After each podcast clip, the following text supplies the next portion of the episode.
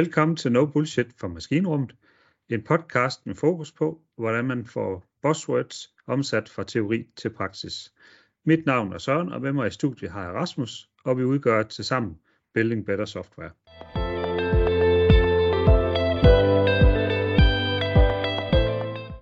Og Rasmus, hvad fylder i din hverdag? Jamen i min hverdag, der fylder mit arbejde selvfølgelig rigtig meget. Øh, og de sidste uges tid, siden sidst vi to øh, sad i studiet sammen, der har jeg været ude og undervise i øh, agilitet. Øh, og det synes jeg faktisk altid er spændende. Øh, den her gang, det var sådan ekstra spændende, fordi det var en ny type øh, af, af mennesker, jeg var sammen med, og det var også nye mennesker i forhold til mig. Øh, noget af det, vi øh, kom i berøring med, det var selvfølgelig softwareudvikling, som er min baggrund, men også hvordan man kan tænke agilt i en HR-afdeling, og helt ude i ekstremen, for mit vedkommende i hvert fald, også hvordan man kan tænke agilitet ind i anlægsprojekter. Øhm, og så udover det, så, så har jeg faktisk også en hverdag, øh, og der er noget, der fylder rigtig meget for mig lige snart jeg kommer hjem, og det er, at jeg bor i for landet, øh, sådan som du nok ved, og det kræver nogle gange nogle maskiner, øh, og der har jeg så en fin minilæsser, som jeg også har fortalt dig om tidligere, øh, omkring noget med et træ og en minilæsser. Øh, men øh, lige for tiden, der kan den faktisk ikke køre den her maskine, og det er faktisk lidt irriterende, fordi at øh, jeg har overhovedet ingen forstand på sådan noget. Så, så der går meget tid med, at jeg skal snakke med en mekaniker for at få det til at virke. Øh, heldigvis så parkerer jeg det, når jeg tager på arbejde, så der fokuserer vi selvfølgelig på, på det, der er vigtigt. Så, men, men øh, det fylder, når man tager hjem, at man lige har sådan en maskine, der står der og parkeret. Øh, Udover det, så når jeg ikke øh, har været ude og undervise her den sidste stykke tid, så har jeg været i gang med at få nogle øh, nye teams op og køre. Øh, de skal til at være lidt mere agile, end øh, hvad de var, før de mødte mig. Øh, og det er også en spændende proces, fordi det er igen noget med nye mennesker, øh, nyt domæne og alt sådan noget, hvor alt er nyt og spændende for mig, og det håber jeg selvfølgelig også, det er for dem, øh, jeg nu øh, taler sammen med. Øh, så der rører sig lidt på mange fronter, både øh, hjemme på gården, og så selvfølgelig også øh, de kontorgange, jeg får lov til at gå på. Men øh, hvad med dig, Søren? Har du øh, haft travlt siden sidst? Jamen, øh, jeg har da en smule travlt. Øh, jeg er ved en fast kunde lige for tiden, og der er jeg ved at uddybe emnet How does great look, når man skal lave softwareudvikling. Og det er egentlig et perspektiv på, fra ende til anden, hvad der, hvad der foregår i en udviklingsproces, og hvilke steps man gerne skal have med, og hvordan man sikrer sig for kvaliteten og, og folkene med i, i det arbejde, der skal foregå der. Øh, og på den private side, så har jeg været i skoven. Det er svampesæson, og jeg er vild med at fiske og samle svampe og, og alt, hvad der rører sig omkring naturen. Så der har jeg lige været ude og kigge til, til hvordan det står til, og fundet en ordentlig bunke Karl Johans svampe, som, som røg hjem i gryden. Så det er ikke så ringe. Ja, det lyder lækkert.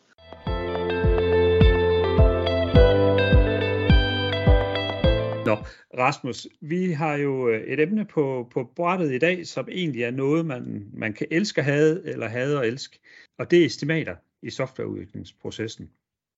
Og det vi har tænkt os at snakke om, du og jeg, det er, hvad bruger man egentlig estimater til, og hvordan får man lavet nogle estimater, eller skal man slet ikke lave estimater, og så give nogle fif til, hvordan man får det til at du i virkeligheden, som, som både medarbejder og leder i en organisation. Og vil du ikke prøve at sætte nogle ord på, hvad du ser et estimat, det er? Jo, altså det jeg ser et estimat er, det er jo selvfølgelig en, en form for tidsangivelse af, øh, hvor lang tid tager noget at lave. Øh, og det kan man bruge til mange forskellige ting.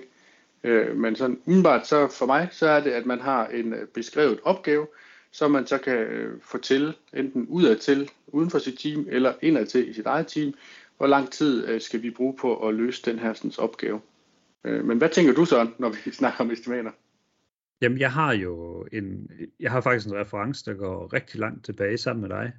15-17 år tilbage, hvor vi startede i Systematic sammen på et projekt i, i deres forsvarsafdeling. Mega spændende produkt, øh, man har gang i der, hvor vi lynhurtigt endte i at skulle lave nogle estimater. Og det er egentlig min første oplevelse med at ligesom skulle, skulle gætte på, hvad er det ting egentlig koster. Og jeg bruger ordet gæt, fordi mange af de ting, vi laver i softwarebranchen, de er faktisk så komplekse, at det bliver hurtigt til gæt, når vi, når vi estimerer ting. Så nogle gange så er det også lidt fræk at sige gestimater, i stedet for estimater, når det kommer til stykket. Så det, det er min første oplevelse af det. Og så, så er jeg sidenhen stødt på øh, en tendens, vil jeg sige, hvor der er folk, der begynder at sige, ah, de der estimater, skal vi nu også lave dem, og giver de nu noget værdi i organisationen? Fordi vi finder ud af ret ofte, at vi kan faktisk ikke gætte, hvad ting koster. Og, og går det helt galt, så gælder vi mange faktorer forbi det mål, vi egentlig troede, vi havde. Og hvad skal vi så bruge til dem? Øh, estimater til. Øh, men kan du, kan du prøve at give nogle eksempler på, hvordan du har brugt estimater i din dagligdag, og, og hvad det har bidraget med? Øh, ja, men jeg tror faktisk, inden vi lige vender den, så, så kom jeg lige til at tænke på noget nu, hvor du sagde systematik. Øh, fordi det er jo rigtigt, Søren jeg, vi har for mange år siden øh, siddet som udvikler dernede. Øh, og jeg tænker, at den øh, anekdote, jeg lige har i hovedet nu, den kan de godt tåle, og vi putter på her, fordi det er trods alt ved at være næsten 15 år siden, vi sad der. Øh, men jeg kan også huske den der, det var også mit første møde med estimater. Man sad der som øh, øh C++ udvikler og skulle arbejde med det her komplekse system. Øh, og så kunne vi komme med et, et tidsestimat på, hvor lang tid det ville tage at lave det. Og så efterfølgende, så blev der kunne hjælpe med fuldt op på, hvor mange antal kodelinjer vi fik produceret per time, som vi havde estimeret, eller hvor mange øh, timer vi havde brugt. Ikke? Så, så der blev ligesom lavet sådan et forhold imellem de her sådan, ting. Øh, og der kan jeg huske sådan en sjov øh, seance, hvor at, øh, jeg skulle rydde op i noget kode, hvor jeg trak øh, nogle filer ud og lagde dem over et andet sted, hvilket betød, at øh, der lige pludselig stod minus på kontoen øh, den ene dag, så der havde jeg faktisk øh, Øh, haft en negativ produktivitet. Øh, så det er jo faktisk en måde, hvor man siger, sådan skal man ikke bruge sine estimater til at se, om man er en øh, vil sige, effektfuld udvikler, eller hvad man egentlig er for en, øh, en type person. Øh, så, men, men det var bare lige en, øh, en, en, en jeg fik i hovedet, da du nævnte systematik. Øh, men ja, altså estimater kan man jo bruge på mange ting, øh, og jeg synes jo, at der findes gode måder at bruge dem på, og så findes der nogle måder, som øh, øh jeg egentlig ikke sådan helt øh, er tilbøjelig til, jeg synes er en god ting. Øh, for mig er det vigtige i et estimat, øh, det er overhovedet ikke tallet, der bliver genereret. Øh, det jeg synes, der er interessant, når vi snakker om estimater, det er samtalen omkring, hvad er det egentlig, der skal bygges. Øh, det er jo typisk det, man gør, hvis man kører noget scrum at så har man jo en refinement-proces, hvor man får talt sig ind i, hvad er det, der skal øh, bygges til den her kunde, og sammen med kunden. Øh, og der kan det jo så for nogen øh, godt hjælpe lidt at få det kvantificeret med et tal. Altså, øh, hvis, hvis vi to nu siger, at vi skal øh, det ved jeg ikke, bygge et eller andet produkt sammen, eller lægge fliser øh, i regnvejr en dag, jamen så kan vi gå ind og sige, jamen, hvor mange timer tror vi hver især, at, at vi skal bruge på det. Og så ud fra det, så kan vi også tage en snak om, at hvis du siger 10 timer, og jeg siger 100 timer, jamen hvad er, hvad, hvad, man siger, øh, hvad er udfordringerne, siden vi er forskellige på de her ting? Hvad er det, hvad er det en af os ikke forstår, eller hvor er øh, vores øh, hvad man siger, uenighed omkring den her måde, opgaven skal løses på? Så, så den samtale og den øh, øh, energi, der kommer ud af det at fortælle løsningen igennem med kunden, hvad er det, han ønsker, og sammen med udviklerteamet, hvad er det, de kan finde på at, at, at, at, at gøre tiltag for at løse den her problemstilling. Der synes jeg, der er et eller andet magi i det her. Om det så udmyndter sig i et uh, timeestimat, øh, det ved jeg ikke nødvendigvis, om, om jeg har en holdning til, om det skal eller ej. Øh, men man kan bare se, at det er typisk det, man gør. Øh, specielt nede i teamsene. Øh, men hvad med dig så, hvis du nu skal give et par projektledelse eller nedover på det? Jamen, jeg synes egentlig, du udstiller meget godt en af fordelene ved estimaterne, og en af de ting, som jeg også tit har fra en ledelsesvinkel brugt estimaterne til at processen og dialogen. Jeg har nyt at stå og lytte med og, og ligesom forstå, hvor folk er henne. Det er også til at vise forskellen på, hvad folk egentlig ved om noget. Fordi ofte, hvis vi, hvis vi er velbevandret og kvalificeret ned i, i det stykke arbejde, vi skal lave, eller har måske endda skrevet koden selv før, jamen så kommer der typisk et relativt lavt estimat. Altså, det skal bare lige siges, fra en ledelsesvinkel, så ganger vi alt med pi, når det handler om estimater. Fordi vi, vi ved godt, at, at vi kan ikke ramme det alligevel, men det er bare en joke til side, ikke? Øh, men, men den, der byder, som har et lavt estimat, har formentlig en hel masse forudgående viden om det, der skal løses.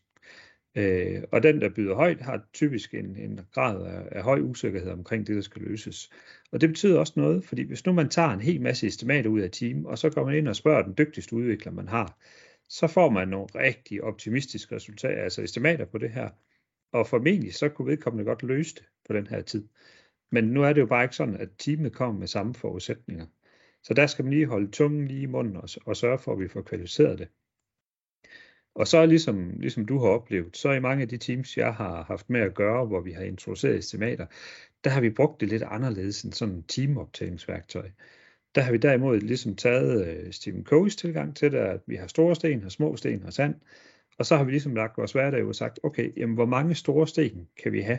Og så har vi gået efter at nedbryde vores opgaver i nogle klumper, der passer til, til de store sten, vi kan have i glasset. Og så kan vi også få alt småt til at, at være omkring. Og det har været, været en bevidst øvelse for at, at få tingene nedbrudt, så vi forstår og kan eksekvere det løbende og have en succes med at levere på opgaverne. Så det er der, jeg har rent i det som, som ledelsesmenneske. Men jeg må også sige, over tiden så er estimater begyndt at betyde mindre for mig.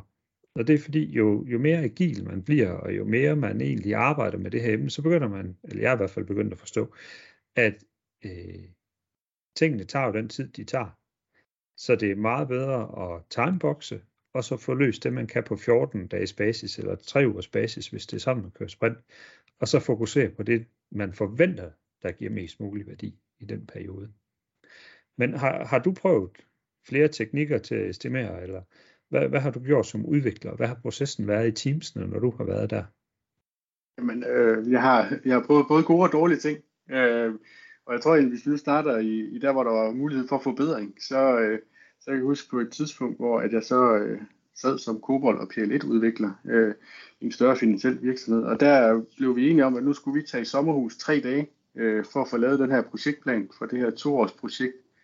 Øh, så der burede vi os inde øh, med lidt grillmad og sad der og øh, jamen, lavede et gigantisk Excel-regneark med en hel masse tal i. Øh, og da vi så øh, Altså, havde siddet derinde, så tog vi jo selvfølgelig øh, tilbage på kontoret og stolte fik præsenteret vores plan. Og der sad der jo så en gruppe af kunder rundt om, som syntes, at det var da en flot plan. Der var bare lige nogle ændringer til, hvad de godt kunne tænke sig, at vi skulle øh, løse. Så vi siger allerede, da vi kom tilbage og skulle præsentere den her plan, så kunne vi ikke bruge den mere. Øh, så det var rent tidsspil, udover hyggen, vi selvfølgelig fik ud af sommerhusturen. Øh, så det der, det synes jeg i hvert fald, at man skal gøre alt, hvad vi kan for ikke at gøre mere af. Altså, vi skal ikke sidde og bruge lang tid på at lave kæmpe store estimerede, estimerede planer, som, som vi kan risikere at dø allerede første gang vi viser dem til nogen. Øh, og hvis man så i stedet for skulle fortælle om noget, der rent faktisk er godt, og et sted, hvor at, øh, jeg har set, at øh, estimering fungerer, det er, at øh, man sådan helt simpelt egentlig laver en, øh, øh, hvad man siger, en, en streg på en tavle, og så sætter man i venstre side af den en, øh, den letteste opgave, vi nogensinde har mødt i vores team. I midten sætter man så en, der har middels øh, karakter, øh, og helt ud til højre sætter man så den sværeste opgave, vi øh, kan få det nedbrudt i, og så løse inden for et sprint. Og på den øh, måde, så har man ligesom en skala fra venstre mod højre, og så kan man så sætte nogle tal på øh, fra 1 til 10 eller fra 1 til 1000, hvad man nu synes, der giver mest øh, mening. Og så hver gang der kommer en med en opgave, så kan man ret hurtigt øh, tage imod det her sådan, ønske. Øh, og det gjorde vi også dengang, ikke? så der kunne komme en kunde hen til vores øh, product owner og sige, det kunne være fint, at lige kigge på det her. Så kunne vi øh, høre det sammen i vores team, stille os op til tavlen, og så tage den her opgave og få placeret ind på en skala. Skulle den ligge øh, til venstre for midten eller til højre for midten, og hvor tæt på den yderste til højre skulle den ligge. Og så på den måde, så finder man måske ud af på en skala fra 1 til 100, jamen det her det er opgaven, der fylder 70 med den viden, vi har lige nu. Og så har man allerede der måske fået talt lidt om, hvor stor er opgaven, men også over for, for øh, hvad hedder det, vores brugere og vores kunde, få taget en dialog om, hvad er det egentlig, vi ser, vi skal løse for dig. Og så kan han komme med input tilbage igen, om, jamen det er måske ikke helt sådan, vi så øh, det output, som vi gerne vil have, så derfor så kan man gøre et eller andet, eller justere den, flytte den tilbage igen øh, mod venstre, eller et eller andet. Øh, og det giver jo så en eller anden score på, hvor, hvad man siger, hvor man hurtigt får estimeret de her opgaver, øh, på hvor lang tid man så skal bruge på dem. Om man så øh, gør lidt det, du siger, så man så efterfølgende sætte en timebox og siger, øh, at det er sådan her, vi gerne vil eksekvere på dem, eller, eller man kører dem igennem, og så prøver at lave lidt øh, øh, hvad man siger, velocity måling, øh, ligesom man måske vil gøre, hvis man bruger relativ estimering og story points, øh, altså finde ud af, hvad er throughputet i ens team, hvor mange point kan et team øh, få afsluttet per sprint. Øh, Øh, det er egentlig lidt øh, valgfrit for, efter hvad team man har lyst til at øh, øh arbejde med, eller hvordan de arbejder i det her team. Øh, I mit konkrete tilfælde, der brugte vi Velocity, så der vidste vores team, at de kunne tage 30 point øh, per sprint, og så kunne de jo så selvfølgelig sørge for at, at, at putte opgaver ind i sprintet, alt efter hvor meget de nu skulle øh, kunne løse. Og det giver også en god kommunikationsplatform udad til, man ligesom kan sige, så meget kan vi løse, vi kan løse det her nu, eller senere. Og det er sådan basalt set det, de kan sige. Øh.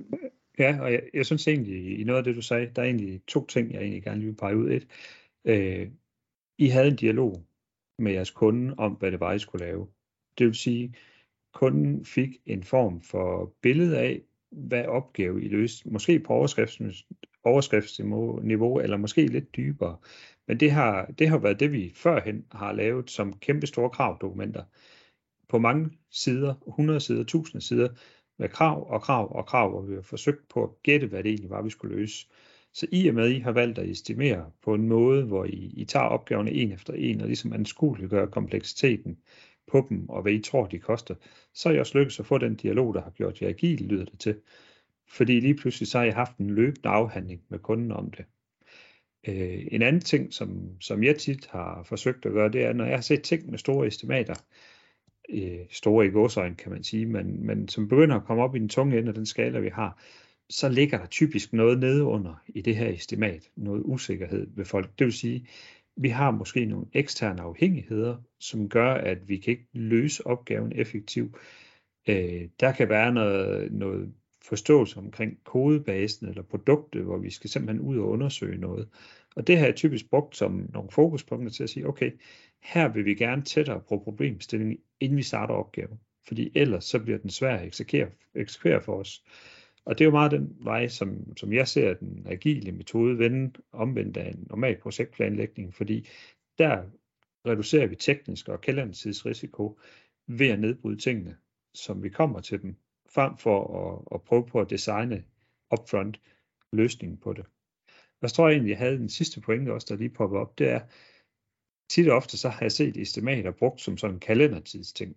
Så hvis nu jeg har to mennesker, der kan lægge øh, 100 timers arbejde hver måned, når de er færdige med, med alt det, der ligger rundt om arbejde effektivt, jamen så kan en 200 timers opgave løses på en måned med to folk.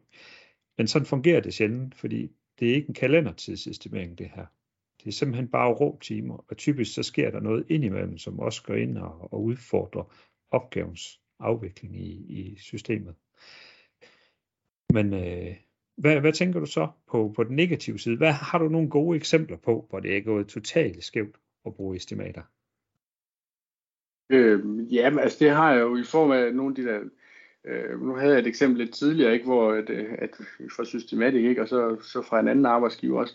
Men, men altså, de steder, hvor jeg ser, at, at det, vi begynder at kigge på planen på den måde, det er jo, at lige snart nogen tror, at det er sandheden. Øh, du, du kommer også ind på det lidt tidligere, så det er jo gætværk det her.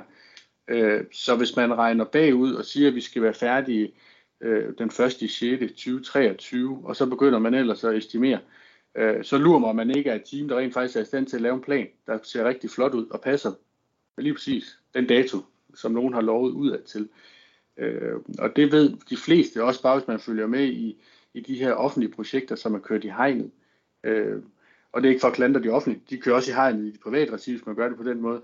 Men lige snart man kommer til at have en plan, som bliver alt, alt for låst og firkantet, baseret på øh, nogle timer, som jo er rent gætværk, jamen så, så er der bare ikke noget, øh, hvad man siger, der er ikke noget rum, hvor at man rent faktisk kan blive en succes med det her projekt. Man bliver simpelthen for låst i det. Øh, der sidder nogen og følger op på, måske har du brugt nok timer, og har du øh, løst øh, lige præcis de opgaver, vi troede, du skulle på det her tidspunkt, øh, i forhold til den plan, vi har lavet.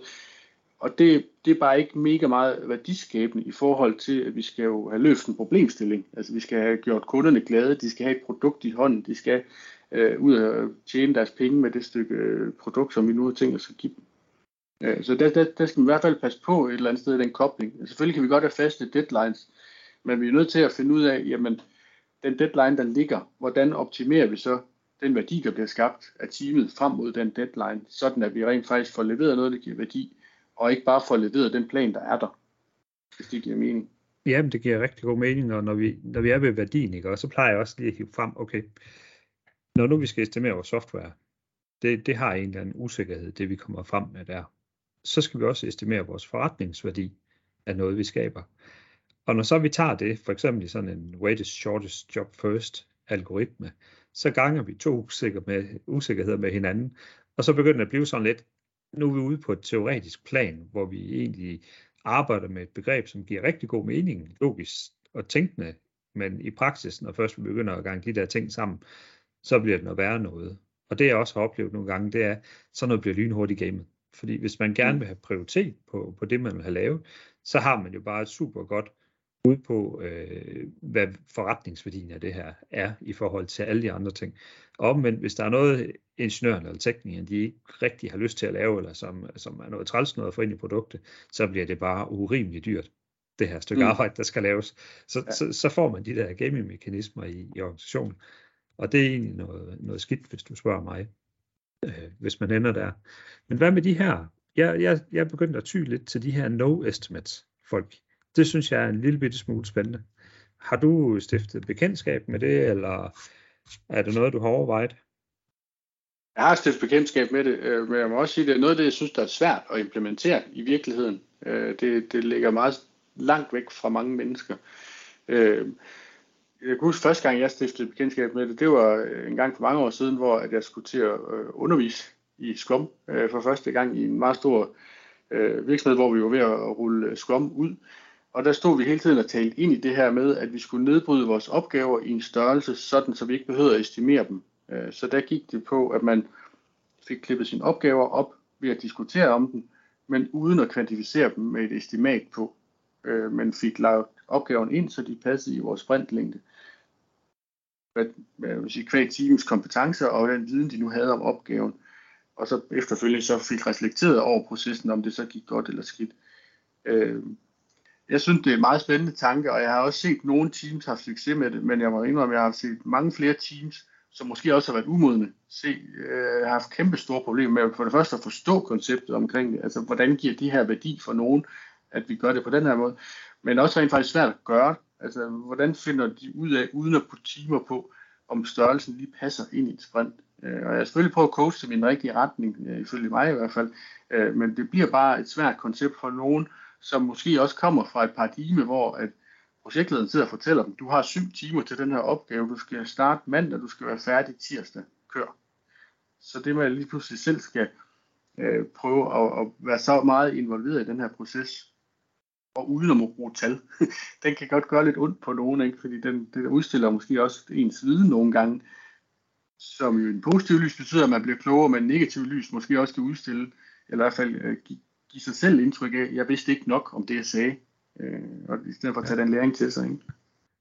Ja, jeg har, det, jeg har det sådan med det, at jeg tænker nok, at hvis vi kan komme dertil, hvor vi kan lave en grundlæggende aftale, at vi altid arbejder effektivt, og så vi har en, en budgetramme, lad os sige, vi har et kvartals budget booket ind, og så delt det op i nogle, nogle slices, så det vi kan, kan garantere, at vi kan levere i sådan en ramme, det er nok det bedste bud på, hvor vi kommer ned til en minimal proces i min verden, hvor vi slipper for en hel masse byråkrati. Fordi worst case i min verden, det er, at man begynder at kigge på estimater, øh, så begynder man at forholde sig til evnen til at estimere og begynder at forbedre på den del, og så til sidst så begynder man potentielt at kigge på at optimere på det flow, man har.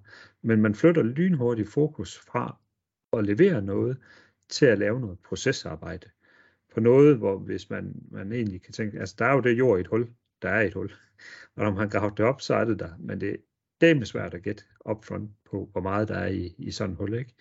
Hvis mm. man kan leve med den usikkerhed, og det er en klokkeklar udfordring som ledelse, det er en klokkeklar udfordring som organisation, men hvis man kan leve med den, ud, altså den usikkerhed og, og den kontrakt med sine teams, så kommer man rigtig, rigtig langt i min verden. Men jeg er enig med dig i, at det er forholdsvis svært at få folk overbevist om.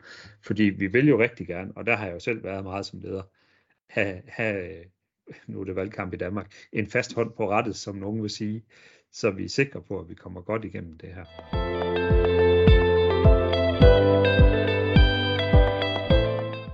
Her på falderæbet, har du noget ved, ved estimater, som du vil anbefale folk at gøre derude? Hvis nu de har problemer med at få deres estimater til at virke, eller få processen til at køre, er der så et par fif, du kan stikke dem her på, på falderevet? Mit bedste bud på noget, jeg vil råde folk til at gøre, det er egentlig, at jo hurtigere de kan lave de her estimater, jo bedre. Og jo hurtigere de kan få talt med deres kunder om det her tal, jo bedre er det også. Fordi at ligegyldigt hvor meget vi bruger af tid på at gætte på det her tal, så er det stadigvæk det bedste bud på nuværende tidspunkt. Vi ved overhovedet ikke noget som helst om, hvor lang tid det tager, før vi egentlig er 100% færdige med at udføre opgaven. Så mit bud er, at folk skal gøre det så hurtigt som muligt, så vi kommer videre. Så vi ikke sidder og estimerer, bare for at estimere. Tjek. Det var et godt råd.